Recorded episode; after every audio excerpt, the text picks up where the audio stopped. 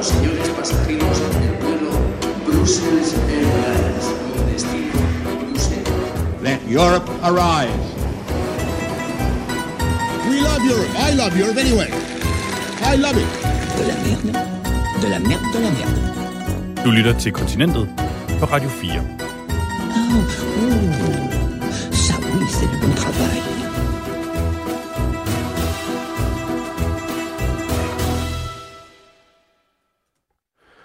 Hjertelig velkommen til Kontinentet på Radio 4. Det er fredag formiddag. Klokken den er 10.05. Og den norske oliefond har lige nu en værdi på 11.000. Og hold nu fast. 11.976 milliarder norske kroner. Det er knap 9.000 milliarder danske. Og hvordan ved jeg det? Jo, det er fordi inde på hjemmesiden nbim.no, der har nordmændene været så søde at lave en tæller, der i realtid fortæller resten af verden, hvor rige de egentlig er. Med den slags penge, så kunne de for eksempel finansiere alle offentlige udgifter i Danmark i et årti. Og hvert år, der bliver der lagt nye rigdomme oven i det 14-cifrede beløb. Men kan nordmændene bare blive ved med at hive olie op af undergrunden?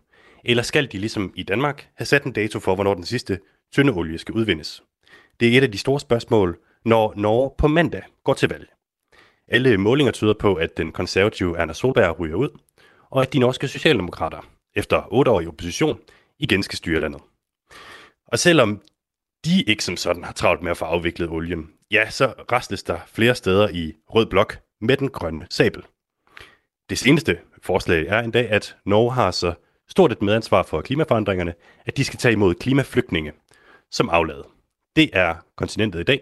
Jeg hedder Mads Anneberg, og lad os så komme til Norge. Norge er... ja, lad os så komme til Norge. Norge er det land, der ligner os mest i verden. Det er i hvert fald min påstand. Og det er på en måde kommet mig lidt for øre, at nordmændene, de, de er faktisk ret interesserede i, hvad der foregår her i Danmark. Men vi ved altså bare ikke så meget om, hvad der foregår deroppe. Det prøver vi at lave en lille bitte smule om på i dag her i kontinentet. Og man kan sige, selvom valget først finder sted på, på mandag, så har utrolig mange nordmænd allerede afgivet deres stemme til det her valg. Valgstederne åbnede allerede for forhåndsstemmer den 10. august, og 1,4 millioner nordmænd har allerede stemt. Det er mere end hver tredje, øh, øh som er, altså er stemmeberettiget. Og nu skal vi faktisk ud på netop et af de her øh, valgsteder. Min kollega Isa Samuelsen befinder sig i den lille fjordbygd Sandane i Vestlandet. Det lyder allerede af Norge. Hej Isa. Hej Mads, kan du høre mig? Ja, det Går jeg den igennem? godt. Tusind tak, fordi Ja, du var med. det er godt. Ja, det gør du. Selv tak. Isa, Sam- Selv tak. Jamen, Isa Samuelsen, ja. Ja. altså øh, journalist her på Radio 4. Hvor, øh, hvor står du hen? jamen jeg står øh, i Sanderne foran øh, Rådhuset her i Gloppen Kommune, som er øh, en lille kommune i sådan det nordfjordske område i Norge. Øhm, og jeg har lige talt med dem inden, at øh, du ringede op til mig, og der er 1700 og 72 72 øh, fra Gloppen her, der allerede har øh, forhåndsstemt. Så, øh, så det er en, øh, en fin dag i det øh, norske valgland, hvis man kan sige det. Og øh, jeg, har, Okay. okay. øh, jeg har fundet en vælger, der netop er kommet ud fra øh, øh, forhåndsstemme, og øh, det er Aril. Det kan være, du lige vil sige øh, hej til Mads. Hej hej.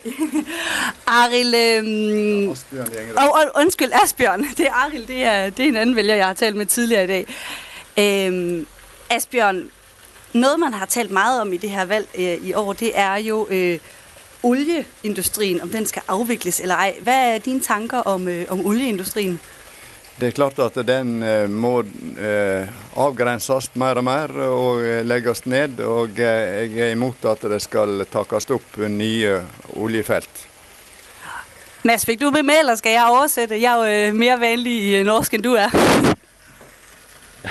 Ja, det, det kan godt være, at hvis, hvis du lige gider bare lige give en lille, øh, lille resume, hvad, hvad han siger, og så bagefter prøv lige at spørge ham, hvad, hvad, hvad, hvad, hvad er det så Norge skal lave, hvis ikke de skal, hvis ikke de skal tjene penge på olie? Ja, Jamen, altså det der bliver sagt, det er, at, at det er klart, at, øh, at den skal altså, mindskes, øh, registreres, og øh, han er imod, at, hvad hedder det, at man skal lave flere oppumpninger af olien. Øhm, der bliver spurgt om, hvad tænker du så, at Norge så skal tjene? Fordi der er en stor indkomst af jo olieindustrien. Hvad, hvad tænker du så, man skal, man skal gå efter? Jeg mener at jeg må bruke all den eh, kompetansen som er innenfor eh, oljeindustrien eh, til å omstille til eh, grønt eh, skifte. Og da ta omsyn til arbeidsplasser, samtidig som en har som hovedmål at vi skal få gjennomført det grønne skiftet så snart som eh, mulig. Ja, så det er altså noget med, som man også uh, taler om i Danmark i forhold til at, at, at bruge de kræfter og den uh, viden, man har fra den her olieindustri til at omstille det til et, uh, et, grønnere, et grønnere alternativ. Ja, så det er olieindustrien, der skal hjælpe Norge med at komme videre fra, fra olien. Øhm, Exactly. Jeg skal måske lige uh, bede dig uh, spørge uh, ham her, altså, hvad er det vigtigste spørgsmål egentlig for, for ham i, i valgkampen? Ja. Hvad har, øh, hvad har det vigtigste spørgsmål for dig været i, i denne valgkamp?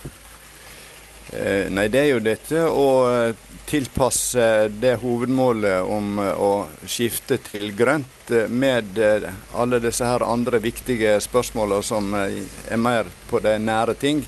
Blant annet dette med omsyn til Distrikts-Norge, sånn som vi er i her på Vestlandet. Så det er jo å finne en god balanse mellom ulike omsyn. Mm. Kan du sige noget om, hvad har udfordringerne været med det her, så når man taler om distrikt Norge? Hvad er udfordringerne, når man bor i, øh, i denne her kommune? Nej, Det er jo at få øh, tilstrækkelige overføringer fra fællesskabet til at vi kan drive kommunen godt øh, til bedste for alle. Og de, særlig de som trænger hjælp både med helse og andre problemer. Så vi strever jo med at holde en kommuneøkonomi som eh, er på høgde med tida vår nå. Så klart. Mads? Ja, ja vil, vil, du ikke lige, vil du ikke lige hjælpe os lidt på vej, hvad, hvad er det, Jo. han siger? Ja, det han siger her, det er jo, at, øh, altså, at der bliver talt meget om øh, distrikter, og det er jo fordi, at Norge er jo geografisk meget, meget større land end Danmark. Og der har man jo nogle udfordringer øh, i forhold til at få økonomierne i de små kommuner, som Gloppen Kommune, der jo har øh, lidt over 5.000, øh, 6.000 borgere, øh, til at få den løbe rundt, og hvordan fungerer det med helse. Der er langt til nærmeste sygehus, det største, eller det store nærmeste sygehus her er i Førde, og det tager en time og 20 minutter i bil, hvis man kører, hurtigt, hvis man kører hurtigt. Så det er jo en af de udfordringer, der blandt andet er, og det, øh, det betyder selvfølgelig meget for, for dem, som, som bor her i, i de ydre distrikter. Altså, Isa, øhm, nu... Jeg har sådan lidt en teori om, at de i Norge har måske en, en, en, meget stor fetish i forhold til de her udkantsområder. Ikke? Som du selv siger, så er det, det er et stort land, hvor, hvor, hvor der, skal, der skal bygges øh, broer og, og tunneller og sådan noget, for at man overhovedet kan begynde at bosætte sig ude i de her øh, yderområder. Altså, du bor jo faktisk i den her øh, lille by. Hvad er dit øh, indtryk af, hvor... Øh, hvad, hvad skal man sige, hvor, hvor, hvor, hvor sejt det egentlig er at bo derude? Jamen, det, jeg skal lige høre, kan jeg sige farvel, eller skal jeg hænge på mere? For nu har jeg jo optaget nogen, nogen tid, inden jeg har svaret på dit spørgsmål. Øh, du, må, til- du må gerne sige, uh, farvel Ja. til vores nordmand. Tak skal du have. Tak så mycket. har det bra. Nå, nu skal du høre. Jeg øh, flytter mig lige. Det er jo det, når folk skal på job. Jamen, øhm, det er klart, at altså, folk, som bor i, øh, i, i denne kommune, altså, de, øh, de, de sætter jo pris på naturen og sætter jo pris på at bo her, hvor de bor, men det giver jo selvfølgelig nogle udfordringer. Øh, netop som du hørte med veje og tunneller. Øh, men, men, men, men folk er begyndt at, også at flytte hjem igen, lidt ligesom man har set det i Danmark, at det er blevet mere populært at, at flytte tilbage til, hvor man kommer fra. Der er der også flere og flere unge her i kommunen, som, øh, som flytter hjem. Bare for et par år siden var øh, øh beboertallet i kommunen øh, nedadgående, altså folk flygtede fra kommunen her og så ud til de store byer, og det er altså noget, de har fået vendt op, så flere og flere begynder at komme tilbage til, øh, til Gloppen Kommune, som jo er en af de, de små kommuner. Isa, mange tak skal du have. Vi vender tilbage til dig om en halv times tid. Øh, hvis du lige måske gider at finde et par andre indbyggere i, i den her lille bygd øh, i mellemtiden. Det kan du tro, jeg vil. Jeg går på jagt. Altså Isa Samuelsen, journalist på Radio 4.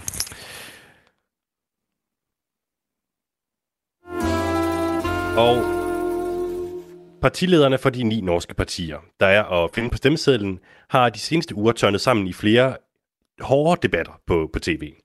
Den seneste fandt sted i forgårs på norsk TV2. Og man kan sige, ordstyren Aril Riese fik varmet partilederne ret godt op inden debatten.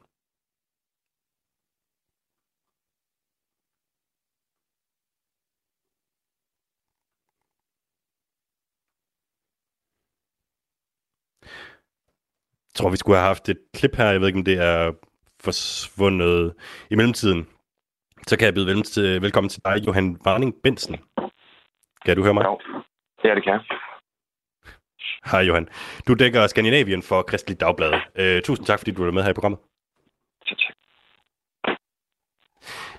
Uh, vi skulle have hørt et klip her, hvor de ligesom uh, spiller Magarena i den her partilederdebat på, på norsk tv, hvor de... Uh, uh, ja, det, det, det lyder tokrummende, men, uh, men det håber jeg måske, vi kan få, få spillet lidt senere i programmet. Uh, efter den start, så, så handlede debatten ligesom om øh, alle mulige emner, såsom at udvide retten til abort, øh, ligesom det også tidligere har handlet om klimaet, og selvfølgelig olieproduktionen, mm. som vi også har hørt om her, og forholdet til, til EU. Altså, hvad vil du sige, der har været valget store temaer? Jamen, overordnet vil jeg sige, at, at valget i Norge i hvert fald sådan hvis man ser på de seneste uger, jamen, så øh, tegner det i store træk til at blive sådan det der en gentagelse af det seneste danske folketingsvalg, nemlig det, som man sådan lidt populært kalder for et klimavalg. Det grønne det har fyldt rigtig, rigtig meget de seneste par uger. Det har været helt tydeligt, særligt her i valgkampen sidste fase, at jamen, de partier, som har haft en klar profil på klima, på miljø, grøn omstilling osv., jamen, de har klaret sig rigtig godt i, øh, i målingerne. Omvendt så er det ikke noget, der sådan på den måde splitter øh, de store partier Øh, helt så meget som eksempelvis indvandring, som fyldt meget øh, i den tidligere valgkamp i Norge har gjort. Øh, regeringspartiet Højre er måske knap så ambitiøse som Norsk Socialdemokrati, øh, men, men egentlig så er man ikke sådan helt vildt uenig, og de store uenigheder de kommer i højere grad til øh, udtryk sådan internt i blokken, hvor der kommer til at være øh, nogle ret øh, voldsomme slagsmål, tror jeg godt, man kan love øh, efter, efter valget mandag. Alright, altså hvis vi skal prøve lige at dykke ned i et par af de her øh, emner, hvad, hvad, har strids, øh, hvad, skal man sige, hvad har stridens kerne for eksempel været i, i forhold til, til olie? Jamen altså, det er jo blandt andet det her med, hvorvidt at øh, Norge de skal fortsætte med at, øh, at være en olieproducerende nation. Øh, I øjeblikket så ser det ud som om, at den sandsynlige øh, regeringskonstellation efter mandagens valg, det bliver med Arbejderpartiet, Centerpartiet og Socialistisk Venstreparti. Men i de målinger, der er kommet ud nu, jamen, der er de altså ikke flertal alene. Det betyder, at de sandsynligvis skal ud og hente øh, nogle mandater fra et af de her yderpartier, øh, Rødt eller Miljøpartiet De Grønne. Og eksempelvis Miljøpartiet, jamen, de har altså tidligere haft det som øh, krav for, at de skulle lægge stemmer til en ny norsk regering, at man simpelthen skulle stoppe med at lede efter ny olie her og nu. Øh, så, så det er et af de områder, hvor at der, øh, der er noget konflikt, og hvor der potentielt kan, kan være rigtig meget på spil. Okay, og øh, der er jo også det her spørgsmål, altså, som, som, som er dukket lidt op, som er forholdet til EU. Altså Norge er jo ikke øh, med i EU, men, men har selvfølgelig øh, et, et, et, et nært forhold til os hernede mm. i, i unionen. Hvad er, øh, hvad er ligesom sagens kerne der? Jamen, der kan man igen sige, at altså, hvis man ser på de nuværende regeringsparti højre, så Arbejderpartiet, som sandsynligvis bliver statsministerpartiet her efter mandagens valg, så er de egentlig forholdsvis pro sådan internationalt samarbejde begge to. Altså de går ind for den her EØS-aftale, man har omkring Øh, Øh, deltagelse i EU's indre marked. Man bakker op om NATO-medlemskabet, øhm, og Højre er også pro-EU-medlemskab. Det har Arbejderpartiet også tidligere været. Øh, nu er de sådan lidt mere vævne. Igen så bliver det sådan, hvad skal man sige, lidt mere betændt, når man ser på sådan forholdene internt i blokken. Og, og igen, så hvis vi tager øh, den rødgrønne blok, som er den sandsynlige vinder af mandagens valg, jamen der er både Centerpartiet og Socialistisk Venstreparti øh, endda meget skeptiske over for EØS-samarbejdet og, og mulig norsk øh, deltagelse i EU-samarbejdet. Og Socialistisk Venstreparti, som meget vel kan komme til at være et regeringsparti øh, fra på tirsdag, jamen de vil altså også en ud af NATO. Okay, Hold op. Øhm, ja, du, du må undskylde, jeg lige dvæler lidt ved det her, men jeg synes simpelthen, det er enormt interessant, at vi har et land, som, mm, hvad kan du sige, ikke er med i EU, men alligevel vil gerne, altså nogle partier øh, be, bevæge sig længere væk fra øh, EU. Øh, ved vi, om, om det er noget, der ligesom er inspireret af, af alt det fokus, der har været på EU, ikke EU, øh, de senere år med, med, med Brexit? Ja, det er klart, at altså, Norge har, har ligesom andre lande øh, undervejs ligesom spejlet sig i den her Brexit-proces, og der er altså nogle af de partier, som er meget skeptiske over for EU og, og andet internationalt samarbejde, jamen, de siger, at når britterne kan, så, så, så kan vi også. Og så er der nogen, der har set på den her aftale og sagt, jamen, når de kan få den her aftale, selvom de er trådt ud, hvorfor kan vi så ikke få en bedre aftale? Så der er ligesom sådan en tilgange tilgang til det. Øhm, men, men det er klart, at det er, det er noget, som der er noget, noget konflikt i, men det er nok ikke noget, som ligesom den abortdebat, der også var oppe i forbindelse med den her partilederrunde onsdag, som du også nævnte før, jamen det er sådan nogle spørgsmål, som, som er øh, vældig interessante for, for seerne osv., men det er sandsynligvis ikke noget, som for alvor kommer til at fylde noget, i hvert fald ikke sådan lige umiddelbart efter valget. Blandt andet på abortområdet, jamen der har Jonas Gahr Større, øh, Socialdemokratiets leder, været ude og sige, at jamen, altså, jeg ved godt, at der er en masse forskellige holdninger til det her, men det er altså ikke noget, vi kommer til at fremlægge politik øh, omkring, i hvert fald i løbet af det første halve år. Øh, så, så det er sådan nogle, nogle punkter, hvor der, hvor der er øh, hvad skal jeg sige, en masse interessant og makrase i overfladen, men det er nok ikke de områder, som, som en ny norsk regering kommer til at tage fat på lige med det samme i hvert fald. Okay. Johan, vi skal lige, vi skal lige spille et lille klip her. Altså, det, mm. det stammer fra en partilederdebat på NRK øh, i, fra sidste måned, hvor ordstyren leger det, øh, der hedder pejelejen. Jeg vil dere skal peke på den partilederen dere mener bør bli Norges neste statsminister. Og det er selvfølgelig lov å peke på seg selv. Klar, ferdig, gå, pek! Aha. Greit, Trygve Slagsvold Vedum. Nå kunne jo hele verden se at du peker på deg selv, og det er bare du som peker på deg. Ja, altså øh, klar, færdig, gå, øh, pej, øh, bliver der sagt, og, og, og så skal mm. man pege på den, som man kan være til at være statsminister, og alle peger ligesom enten på Erna Solberg, øh, Blå Bloks øh, leder, eller, eller Jonas Gahr som, som er Arbejderpartiets leder, mm. øh, men Centerpartiets leder øh, peger så på, på ham selv. Øh, mm. Hvis du skal hive spåkuglen frem her, Johan, hvad er det så for en regering, du tror, der, der vil blive dannet efter valget? Jamen lige nu, der tyder meningsmålingerne på, at, at regeringsmagten den vil skifte, og det bliver Jonas Gahr Støre, som, øh, som bliver ny norsk statsminister. Øh, Centerpartiets øh, Trygve Vedum, som så også peget på sig selv, øh, jamen han kommer med al sandsynlighed øh, med i øh, en, øh, en socialdemokratisk ledet regering, men det er altså, medmindre der sker noget fuldstændig øh, vildt og voldsomt hen over weekenden, hmm. ikke ny øh, norsk statsminister.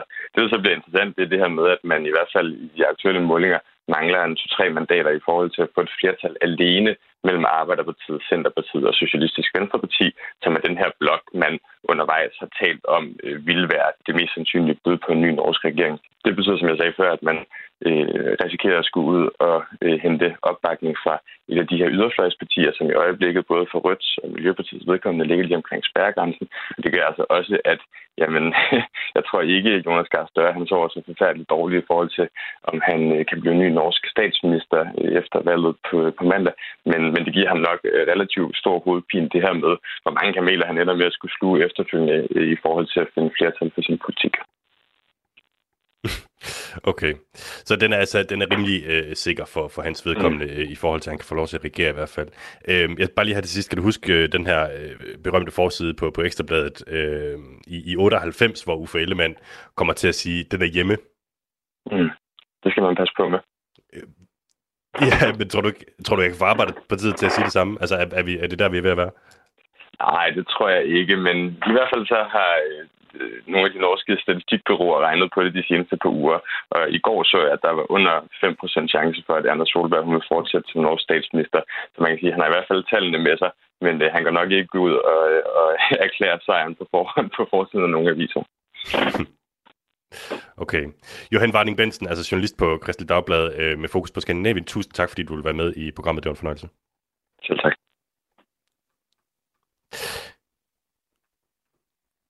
Og nu skal vi simpelthen prøve at se, om, om vi kan finde ud af, hvor sikre de egentlig føler sig på, på sejren i det norske socialdemokrati. Og selvfølgelig også, hvad de har tænkt sig at gøre med regeringsmagten efter at, at hvad skal man sige, have, have siddet udenfor i otte år. Alt tyder nemlig, som Johan her siger, på, at øh, Tyskland faktisk ikke er det eneste land, der vinker farvel til en konservativ frontkvinde her i september. Øhm, højre Øh, partiet i, i Norge øh, med Erna Solberg i spidsen ser simpelthen ud til at skulle overlade styringen med, med landet til Arbejderpartiet. Jeg tror, vi kan byde velkommen nu til Masud Radachani. Hej. Kan du høre at være med. Hej. Det med til. Hej Norge. Mange tak, fordi du vil være med. Hyggelig at være med. Jeg har vært mye i Aarhus gjennom uh, ungdomstida og barndommen. Jeg har en del familie som bor i området, så hyggelig at være på radio med dere. Okay, jamen øh, vi, vi holder jo også til i Aarhus her, øh, Masud, så, så det er jo helt perfekt. Øh, du er altså medlem af Stortinget, det, det norske parlament for Arbejderpartiet. og har været med til at udarbejde partiets øh, valgprogram her i år. Må jeg ikke lige høre dig allerførst? Er, er den hjemme? Hva sa du? Unnskyld, det er litt dårlig dekning. Ja, undskyld. Jeg spørger, jeg spørger om den er hjemme. Altså, øh, underforstået, øh, er, er, er valgsejren sikker nu? Eh, Du, altså Det er ganske eh, jevnt da, på målingene, men eh, det vi ser, det er jo at det er eh, slik at veldig mange ønsker et regjeringsskifte, og de peker på Arbeiderpartiet. Så vi er i godt mot. Og så er jo valgdagen på mandag, og det står fortsatt om mange mandater da, i de ulike valgkretsene. Så det gjelder å stå på til, til siste time. Okay. Men du vil altså ikke sige, at, øh, at sejren er i hus endnu? Nei, altså Jeg eh, tror at eh, av tidligere erfaring så skal vi ikke ta noe for gitt. Men alle meningsmålinger som er nå, det viser i hvert fall en veldig god stemning. Og det viser et eh, klart ønske om at folk ønsker et regjeringsskifte. Og de peker på Arbeiderpartiet og sosialdemokratiet og Jonas Gahr Støre som statsminister. Så jeg har trua på at vi skal få til et regjeringsskifte på mandag. Men så er det også viktig for oss at vi får til et eh, stortingsflertall, eh, slik at vi kan regjere sammen med både Senterpartiet og Sosialistisk Venstreparti. Okay. Og hvordan kommer vi til at opleve, at Norge ændrer sig, når hvis I vinder valget på, på mandag? Altså jeg tror egentlig at uh, Hvis du ser på valgkampen i Norge nå, så er det på mange måter mange av de sa mange sakene som uh, dere opplevde i Danmark når uh, gode Mette Fredriksen ble valgt som statsminister. Det handler om kampen mot eh, forskjeller og ulikheter som mange har opplevd, og ønsker mer rettferdighet. Og Det vi har sagt, er at vi ønsker å stoppe den utviklingen vi har hatt med de borgerlige som har gitt de store skattekuttene til de 1% rikeste. Eh, mer rettferdig fordeling, slik at arbeidsfolk får eh, mer i lommebøkene sine og bedre velferdsordninger. Og så har vi også hatt en diskusjon som handler om by- og landdimensjon. Det har vært veldig mye sentralisering. Så det å stoppe det, det å sørge for at det er nærhet til tilbudene. Og så er det jo selvfølgelig klimasaken eh, som har dominert. Og som vi vet, så er jo Norge en stor olje- og gassnasjon. Eh, og tiden eh, i å tenke både at man kutter i klimautslippene ha store ambisjoner, men også bruke en stat aktivt, sånn at vi kan skape nye grønne arbeidsplasser, det kommer til å synes å bli viktig for en ny regjering. Mm. Nej, men det, det, det er mange ting, øh, men jeg tænker bare, I er jo stort set sikre på at vinde valget, så hvad er den, den ene mest revolutionerende ting, som I vil ændre ved, ved Norge bagefter? Jeg tror at det man kommer til å se, det er en mye mer aktiv stat eh, på alle fronter. Eh, en av årsakene til at Norge og Danmark for eksempel, har klart seg mye bedre enn veldig mange andre land under pandemien, er jo fordi vi har denne sterke sosialdemokratiske velferdsstaten.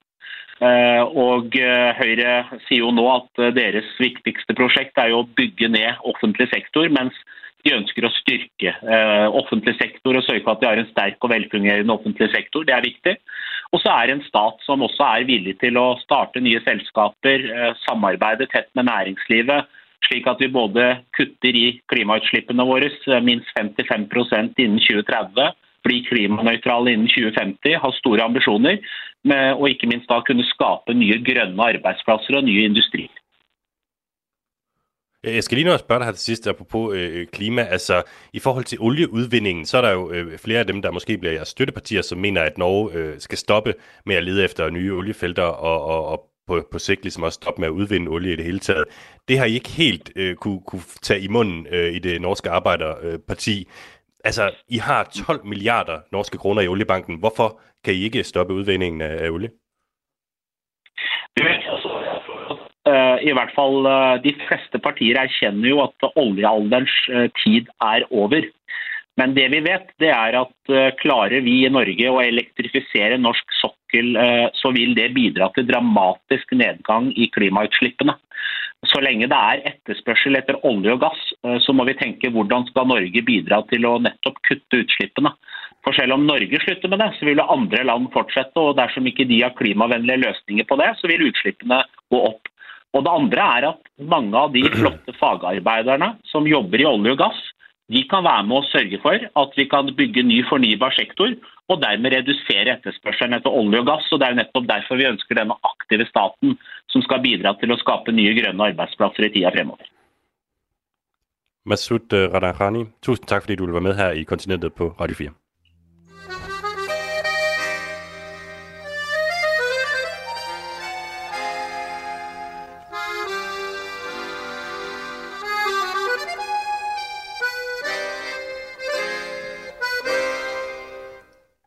Du lytter til Kontinentet på Radio 4, hvor vi i dag taler om et land, som er meget nært for os danskere. Et land, der skal til valg snart, og hvor den konservative kvinde, der har regeret landet i en årrække, ser ud til at blive afløst af en socialdemokratisk mand. Og nej, det er ikke det tyske valg, jeg taler om, selvom det lidt af det, der løber med overskrifterne her i Danmark for tiden. Det er derimod vores norske naboer, hvor den konservative Anne Solberg ifølge meningsmålingerne må vige pladsen for det socialdemokratiske Arbejderpartiet øh, efter otte år ved magten, når Norge går til valg på mandag. Og i dag giver vi altså nordmændene og deres stortingsvalg lidt tiltrængt opmærksomhed her i programmet.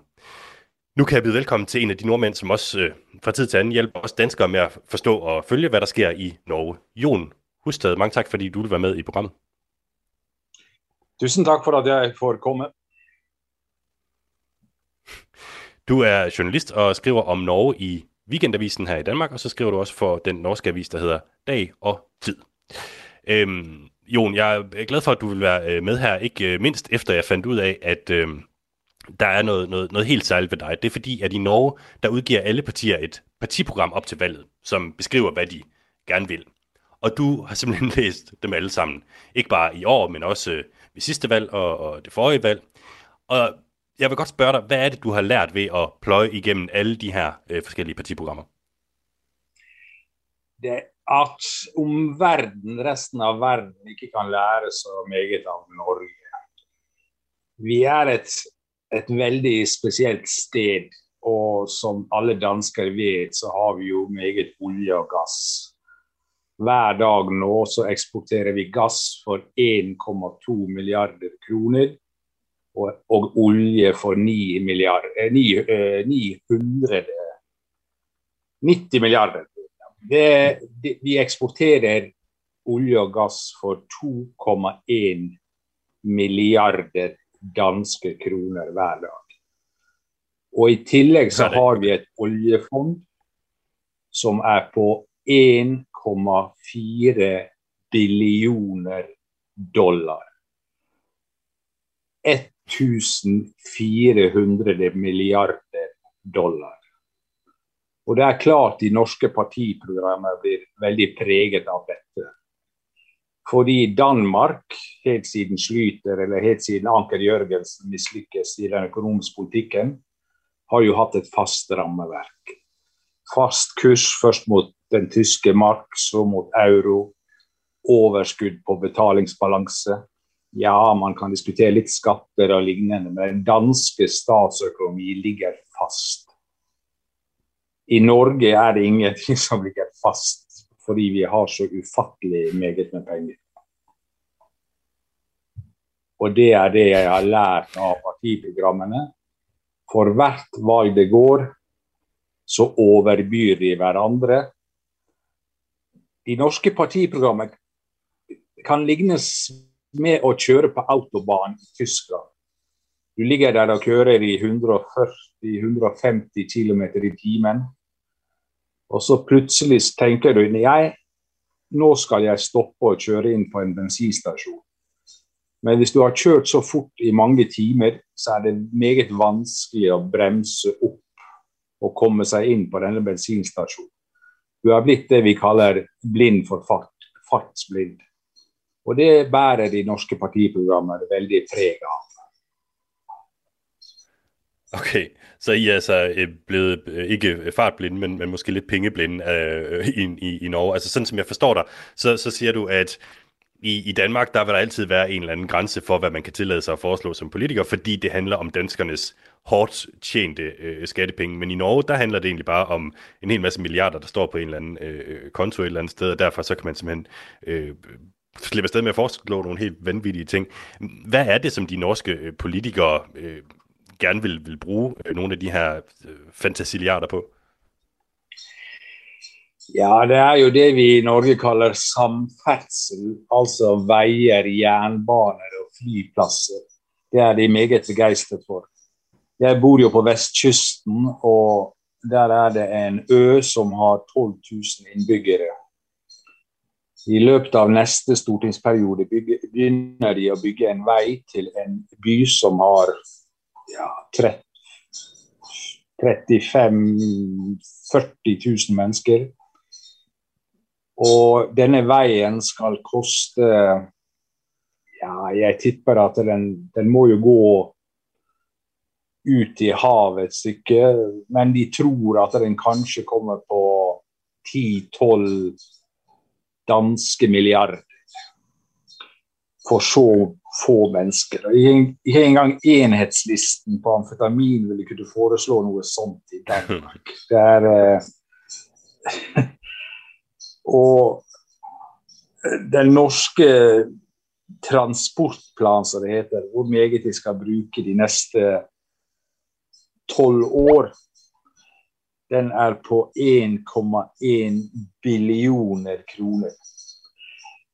Dog er Norge et meget større land enn Danmark. og Det er selvsagt veldig dyrt å ha flyplasser og motorveier og alt hva det er. Men men vi har jo sosialøkonomer, og de regner jo på hvor meget man kan tjene og hvor meget man kan tape. Og i Norge så er det tap, tap, tap. Det er, det er veldig, veldig store summer det er snakk om. Men det, grunnen til at det, vi velgere ikke bryr oss så meget om all denne sløsingen, det handler jo én om olje og gass den er jo egentlig staten som alltid har eid, for den ligger ute i Nordsjøen, ute på sokkelen. Og så fikk vi etter finanskrisen i 2007-2008, så begynte jo verdens sentralbanker, den amerikanske, den britiske, den europeiske, den japanske De begynte alle å trykke som eget penger og sette renten i null. Og Dermed steg jo aksjeverdiene på verdens finansmarkeder noe utrolig. Så over halvparten av de 1,4 billioner dollarene vi har i oljefondet, de kommer fra verdens finansmarkeder. Og vi nordmenn har jo ikke eiet disse aksjene. Vi nordmenn har jo ikke eiet denne oljen. Og dermed så blir pengene tatt fra et annet sted. Hvis en dansk industriarbeider får 5 økt skatt, så blir jo han meget irritert. Men en norsk industriarbeider som opplever at de bruker penger fra den amerikanske Nasdaq-indeksen eller lignende, han tenker jo ikke på den måten. Det er jo ikke hans problem. Det er heller mer hans glede at han får en ny motorvei going nowhere. Hmm. Okay. Jamen altså, øh, jeg, jeg, jeg ved snart ikke, hvordan jeg skal, skal formulere det. Der, vi, i, I Danmark, der, der lever vi jo stadig i virkelighedens verden, hvor man ikke bare kan bygge for eksempel en omfartsvej øh, rundt om, om Maja, øh, uden at der er nogen, der lige tjekker, om, om, om det nu også er, er, er pengene værd. Altså, du sagde helt til at starte med, at vi måske ikke kunne lære så meget af, af Norge, når, når det kommer til det her. Vil du ikke lige uddybe det? Ja, øh, ja, hvad skulle Danmark da lære At finde ekstreme mængder med olie og gas? Ja, dere fandt jo lidt og gav det til, øh, til Møller. Men, øh, men, dere har jo aldrig fundet noget i nærheden av den enorme mængden, som Norge har fundet. Og så har jo Norge også de høye fjellene og berger med de enorme vannveiene og alt det vannet som faller fra 1000 meters høyde. Og Derfor produserer vi jo fire ganger så meget el som Danmark gjør. Men det går jo ikke for Danmark eller for den andre landet å kopiere den norske modellen. fordi den er jo bygget på naturressurser som i veldig sterk grad er unike for Norge i Europa. Norge er jo Vest-Europas suverent største energiprodusent. Og det er ikke så meget å lære av. Okay. Øhm, Jon Hustad, altså journalist på, på dag tid øh, i, i Norge. Jeg skal lige høre dig en ting her til sidst. Øhm, det er fordi, at sideløbende med valget i, øh, til, altså til Stortinget, så afholdes der, øh, ligesom i Danmark, valg på de norske øh, folkeskoler. Det er selvfølgelig ikke specielt øh, ophidsende, men Fremskridtspartiets ungdom får sat lidt ild til debatten alligevel, da de hænger sådan nogle plakater op med budskabet Fuck nynorsk. Altså fordi Norge har to skriftsprog, øh, bokmål, som, som ligner øh, dansk til forveksling, og så nynorsk, som er noget fuldstændig andet. Nu ved jeg tilfældigvis, at du skriver på, på ny, øh, nynorsk, Jon. Øhm, vil du måske komme med et lille øh, forsvar for det øh, lidt øh, underlige øh, skriftsprog? Eh, uh, nu har jo ikke jeg så stærke følelser hverken på nynorsk eller uh, riksmål, som vi kalder det i Norge. Jeg skriver nynorsk fordi jeg blev født og oppvokst i en kommune hvor det var nynorsk. Uh, men jeg har jo skrevet meget riksmål gjennom et liv, jeg som alle andre. Og jeg skriver jo også på en dansk avis, Viken Avis. Eh, men forsvar for nynorsk, ja, det gir jo en eh, I denne woke-tiden Det gir jo en identitet. Da. Det er jo en eh, Når man skriver nynorsk, eh, så føler man seg litt mer intelligent. For da kan man noe de andre ikke kan. Og det er jo alltid en god følelse å kjenne seg litt mer intelligent enn andre. Okay. Øh, ja, det lyder selvfølgelig rigtig rart. Jeg, jeg hørte dig lidt sige, at det er øh, sprogets svar på, på jeres øh, folkedragter deroppe. Øh, Jon Hustad, du skal have rigtig mange tak, fordi du gad at, øh, at tale med mig til, til det her program og være med i dag. Det var så lite. Tak skal dere ha.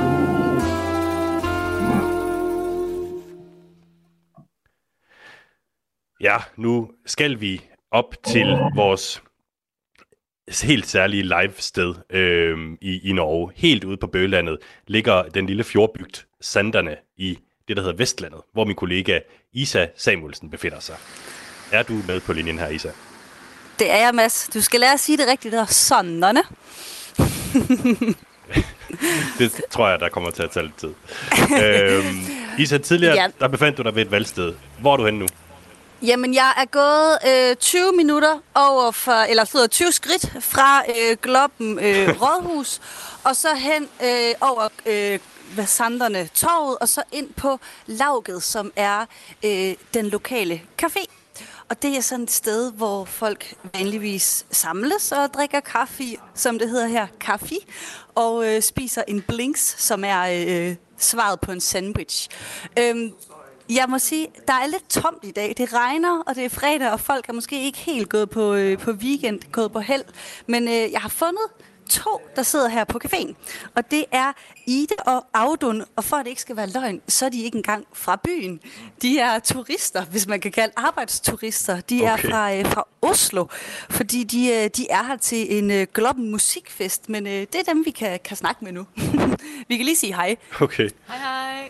Hej, hej. God dag, alle sammen. det var Ida Audun, der sagde, Hej, sagde goddag der. okay, altså det, det er da vanvittigt interessant, altså fordi nu, nu havde jeg rigtig tænkt, at vi skulle tale med, med nogle af de her øh, mennesker ude på landet om, omkring det der med nynorsk, men skal vi ikke lige prøve at høre de her to øh, Oslo-turister, om, øh, om de godt kan undvære det, der hedder nynorsk? Ja, og det er jo et, et godt spørgsmål. Man har jo, øh, i Norge, der har man jo nynorsk, og så rigsnorsk, eller ris, øh, rigsbål, eller bokmål. Øhm, FRP Ungdom, de øh, lavede sådan en kampagne, der hed Fuck Nynorsk. Har I set den? Hvad tænker, kan, I, kan man undvære nynorsk? I taler jo øh, som udgangspunkt vel ikke nynorsk? Nei, altså jeg snakker jo eh, Jeg er fra Østlandet, Ja. så mitt skriftspråk er bokmål. Men jeg syns nynorsk er veldig veldig pent. Jeg er veldig glad for at jeg har lært eh, nynorsk. Så du er vældig glad for, at du har lært nynorsk i skolen? Ja. Tænker I, det er noget, man kan undvære, eller er det godt, at det, eller altså, er det grejt, at det stadigvæk er en, en del af undervisningen i skolerne? Altså, Hvorfor skulle det erstattes? Det, Eh, Jeg syns absolutt at språket vårt skal ivaretas og, ta, og passes på. Det er en kulturarv som er veldig, veldig, veldig, veldig viktig. Eh, ikke sant? Så mm, Frp Ungdom de kan, eh, de kan gå tilbake til skolebenken og studere litt mer. Det var klar tale. Hørte du det, Mads? Skal jeg oversætte, eller forstår du det hele der i Danmark? Ej, jeg, jeg, tror, jeg tror godt, jeg, jeg, jeg fangede den. Altså, Fremskridspartiets ungdom skal, skal tilbage på, på skolebænken. Øhm, Yes. Alright, alright. Øhm, hvad hedder det, øhm, Isa, det næste, eller det sidste, vi skal tale om i, i programmet her, øh, det kommer lige om lidt, det er mm. spørgsmålet om, hvorvidt Norge på en måde skal prøve at købe sig afladet for ja. alt det, de har øh, svinet med deres øh, meget, mange, mange olietønder i, i løbet af årtierne her, øh, ved simpelthen at tage klimaflygtninge og invitere dem op til, til, til Norge. Altså folk, som mm. må gå fra hus og hjem, fordi at, øh, at, at på grund af klimaforandringerne. Jeg skal bare lige høre, kan vi spørge de to øh, gæster på caféen her, hvor mange klimaflygtninge synes de, det vil være rimeligt, at Norge tager? Det er jo tro. Jeg laver lige en, en intro, så de også forstår, hvad det er, vi, vi taler om. Jeg skal lige høre igen. Gør øhm, noget, man, noget, man jo har talt om i den her valgkamp, er jo klima en vældig masse. Øhm, og med klima kommer der jo også klimaflygtninge, som har været en, øh, en debat, der er blevet snakket om, at Norge simpelthen skal tage klimaflygtninge, fordi måske, øh, kanskje, at olien faktisk er skyld i, altså oliebruder er skyld i øh, nogle af de her flygtninge. Tænker I, at man skal tage klimaflygtninge i Norge, og hvor mange? Auden, han, øh, han markerer her. Ja, jeg syns absolutt vi skal gjøre det. Jeg syns vi skal ta ansvar. Eh, vi i den vestlige verden, og vi spesielt med ressurser, har et, eh, har et ansvar som vi skal ta, alle sammen. Uten tvil.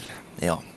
Har du et bud på, hvor mange, hvor mange vi skal, der skal være her, øh, der skal tages til Norge? Jeg syns vi har god plass, vi har god økonomi, og vi kan, eh, vi kan tilrettelegge for det. Absolutt. Så, eh, så mange vi kan klare. Ja. Var det øh, et svar til dig, Mads? Der er en her, der tænker, at det er en, øh, en god idé. Ja, det var da, det var da i høj grad svar. Er, er den anden øh, enig, eller hvad? Ja, hvad, hvad tænker du, Ida? Er du øh, enig, eller er du lidt mere skeptisk for klimaflygtninge? Jeg er helt enig. Jeg er helt enig. Der var ikke helt enig der. Okay. Jamen, det er da det er godt nyt for, for, for folk øh, rundt omkring i verden, som, øh, som er, er lidt på, på spanden i forhold til, til klimaforandringer. Øhm, Isa Man kan sige, Auto har jo jeg tror ret i, der er jo rigtig god til... plads. det, må- det må man jo sige. Ja, Der er det- meget god plads heroppe. det er rigtigt. Øh, Isa Samuelsen, journalist her på Radio 4. Mange tak, fordi du vil være med. Og gider du ikke lige øh, sige tusind tak også til, til vores øh, to nordmænd her? jo, jeg skal sige tak for, at I øh, vil være med. Ja. Tak for os. Tusen takk, og, og, og ha det godt. Ha det veldig godt i Danmark, alle sammen. Hilsen fra Norge. Der fik du lige noget skilde. Tak. Og Så godt siger valg. man øh, bare hyggelig, som man siger her i, øh, i Norge. Det var bare hyggeligt. Tak for det.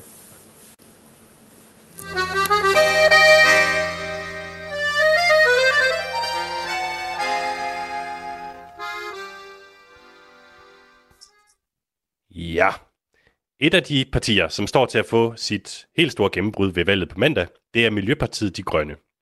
Partiet har ikke før været over spærregrænsen i Norge, som ligger på 4%, men lige nu står de omkring, øh, til omkring 5% i meningsmålingerne. Partiet vil blandt andet stoppe al udvinding af olie i 2035, men de mener også, sammen med det parti i Norge, der hedder Venstre, som ikke er helt det samme som Venstre i Danmark, der mener de, at Norge har et moralsk ansvar for klimaforandringerne, og at landet derfor skal tage imod 500 klimaflygtninge årligt. Nu kan jeg byde velkommen til Sigrid Heiberg. Jo, tak. Kan du høre mig, Sigrid? Ja, Tusind det tak, fordi du er med i programmet. Bare hyggelig.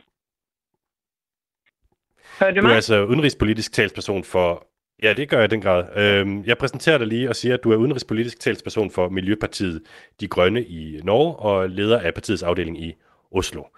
Øhm, først og fremmest, Sigrid, hvad er en klimaflygtning? Ja, det er et godt spørsmål. og Det er litt av problemet at det finnes ingen internasjonal definisjon på en klimaflyktning. Det er sånn at eh, Vi i De Grønne eh, er veldig opptatt av å stå opp for flyktningretten og ønsker en mer ansvarlig og anstendig flyktningpolitikk i det brede, forankret i anbefalingene fra FN. Eh, Og så er det sånn at eh, over 30 millioner flyktet pga. naturkatastrofer og klimakrise i fjor. Det er tre ganger så mange som dem som flyktet pga. krig og konflikt. Um, og så er det sånn at um, personer som fordrives fra sine hjem pga. klimaendringer eller naturkatastrofer, de faller utenfor den definisjonen for å være flyktning som ligger i flyktningekonvensjonen fra 1951 og protokollen fra 1967. Derfor finnes det ingen en def internasjonal enhet om hva som er definisjonen på en klimaflyktning. Men vi vil jo definere det som et menneske som må flykte fra sitt hjem pga. klima- og naturkatastrofer. Okay, så I, så I skal lige have lavet definitionen, før I, I kan begynde at, at hente dem øh, til Norge. Øh, må jeg spørge, hvorfor Vi lige kan, 500 vi, kan om begynne, året? vi kan begynne å hente dem til Norge. Det vi trenger ikke vente med det.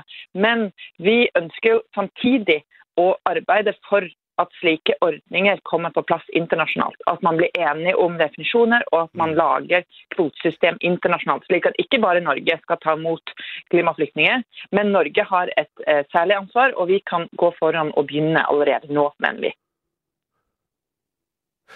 Ja, men jeg tænker bare, altså Norge har jo virkelig pumpet meget olie op af undergrunden og gjort verden til et, et, et varmere og mere forurenet sted. Altså, hvorfor vil I kun tage 500 om året? Ja, Det er et godt spørsmål. Foreløpig er jo vi blant de eneste som mener at, eh, at man skal ta imot noen i det hele tatt. Vi eh, i MDG vil, eh, er gjerne med på å ta imot flere. Fordi det er, som du sier, eh, gjennom vår, eh, vårt salg av olje og gass, så er Norge verdens syvende største eksportør av CO2-utslipp. Og Det er jo disse klimagassene som direkte fører til eh, at menneskers leveområde blir ødelagt, og folk må legge ut på flukt. Um, og, og Forskerne anslår jo at i løpet av noen få tiår så vil det være hundrevis av millioner av mennesker som må dra på flukt pga. klimaendringene. Så det er ingen tvil om at på sikt så må Norge og alle andre land eh, forberede seg på å ta imot flere klimaflyktninger.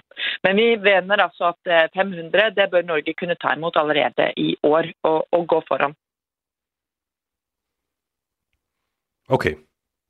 Ja, fordi, fordi det er det, I kan tage imod øh, øh, nu, mener du? Ja, altså øh, MDG med, med, kan, Hvis andre partier blir med, så kan vi gerne være med på å det tallet. Vi har altså foreslået 500, og det er foreløpig eh, ingen andre partier som har bundet sig til at, til å bli med på det. Så vi, vi håper jo på å, okay, okay. å, få en ny regjering nå etter valget, eh, og at en sånn regjering kan eh, bli med på å, å ta imot et visst antall klimaflyktninger allerede nå. Okay. Sigrid, vi skal lige have en, øh, en anden person ind i, i, i, det her, øh, i den her debat. Velkommen til dig, Katrine Oldag, som er udlændingeordfører for Radikale Venstre her i Danmark. Tak skal du have, Niklas. Jeg hedder Mads, og øh, det var så lidt. Ja, undskyld, Mads. Katrine Oldag, altså undskyld. fra Radikale Venstre. Hvis, ja, det gør ikke noget. Hvis, hvis Norge skal tage 500 klimaflygtninge om året på grund af deres øh, olieudvinding, hvor mange skal Danmark så tage imod? det er et rigtig godt spørgsmål, fordi øh, Tjede har jo ret i, at, øh, at øh, vi skal ligesom lægge ud med at prøve at definere, hvad en klimaflygtning er. Og hvornår kan man i øvrigt som flygtning dokumentere, at det var på grund af klimaet, man flygtede, og ikke på grund af måske fattigdom eller krig, der hvor man kommer fra. Mange af de her øh, problemer og kæmpe store grænseoverskridende konflikter, de har det med at overlappe hinanden jeg synes, det er super sympatisk, at øh, Norge melder ud, at, øh, at de har god plads. Øhm, og hvis jeg sådan kigger lidt i krystalkuglen, nu, nu er der jo frit slag har programmet regnet med, så, så tænker jeg også, at det måske vil være mere oplagt at lægge ud med at tage imod de danskere, der kommer til at få brug for det, på grund af, at vi øh, ligger meget lavt øh, som land. Men altså, det være sagt, så, så tænker jeg da også, at Sigrid har fat i en pointe i, at vi bliver nødt til at øh, opgradere flygtningekonventionen det, det, det, det for at finde ud af, hvordan vi gør det. Du må, du må virkelig undskylde, jeg afbryder dig, Katrine. Vi, så de, det, vi skal tage imod i Danmark, det er altså øh, danskere, som bor på, hvad, ved jeg, Læsø eller sådan noget, som, som bliver troet af klimaflygtninge. Jeg, jeg skal bare være helt sikker på, at jeg forstår det. Øh, Norge Ej, det var mere sådan, at Norge altså, havde plads. Øh, på, ja. Okay, det var mere en kommentar til, at så Norge radikale venstre synes altså, ikke, at... Der, øh... Nej, altså det, det du spørger om, vi skal tage imod klimaflygtninge. Ja. ja, vi kommer ikke til at tage klimaflygtninge, før vi har en definition på, hvad det overhovedet er og så skal det jo foregå i ro med i regi af flygtningekonventionen og det kvoteflygtningssystem, vi overhovedet har. Og så skal vi have en regering, der overhovedet har tænkt sig at tage kvoteflygtninge. Der er Norge jo langt foran os. Altså, de tager jo øh, tusindvis af kvoteflygtninge om året. Så for mig at se, der, der ser det ud som om, at, at, øh, at Norge er længere i den her diskussion, end vi er herhjemme. Men altså, det, det starter simpelthen, som Siri siger, med, at vi skal definere inden for flygtningekonventionens øh, rammer, hvad en klimaflygtning er. Hvis jeg kan uh, lægge Sigrid til... Heiberg, altså... Ja. Må, må, så, må jeg spørge, hvor mange, hvor mange klimaflygtninge synes du, vi skal tage i Danmark? Nei, jeg, jeg tenker at vi, vi, vi, må prøve å bli enige internasjonalt. Og, ta, og Det er vanskelig å sette et nøyaktig tall, men jeg tenker at eh, Norge bør kunne også ta, eh, ta mer enn 500, og Danmark bør kunne ta noe tilsvarende. Eh, tenker jeg. Men det er jo riktig, som det blir påpekt, at det ikke sikkert er så lenge til Danmark selv er truet, eh, direkte truet av klimaendringer. Og nå, må, det, må vi så komme til Norge, hvis det er? Veldig konkret, Ja, da, da, mener jeg absolutt at Norge skal ha plass til, til dansker som må flykte pga. klimakrisa. Og det er sikkert mange av oss nordmenn som også Takk. må flykte, som bor nære havet eller som bor i flomutsatte områder, som også må, må flykte. Eh, det vi konkret foreslår nå, er jo at eh, Norge skal ta imot 500 klimaflyktninger i året fra Stillehavsøyene. Det er ganske tydelig de stillehavsøyene som nå er i ferd med å synke i havet, og som folk må flykte fra. Eh, og Det vi ser til, er modellen som New Zealand har med en Pacific Access Category, der de har en egen ordning der mennesker fra stille, et visst antall fra Stillehavsøyene kan komme hvert år og bosettes i New Zealand. Så vi ønsker den samme ordningen i Norge, og sette av en kvote. Altså, udenrigspolitisk talsperson for Miljøpartiet De Grønne i Norge. Øh, jeg er nødt til at runde af nu, men tusind tak, fordi du vil være med, og det samme gælder dig, Katrine Oldag, som er udlændingordfører for Radikale. Mange tak til jer begge to. Velkommen. Du har lyttet til Kontinent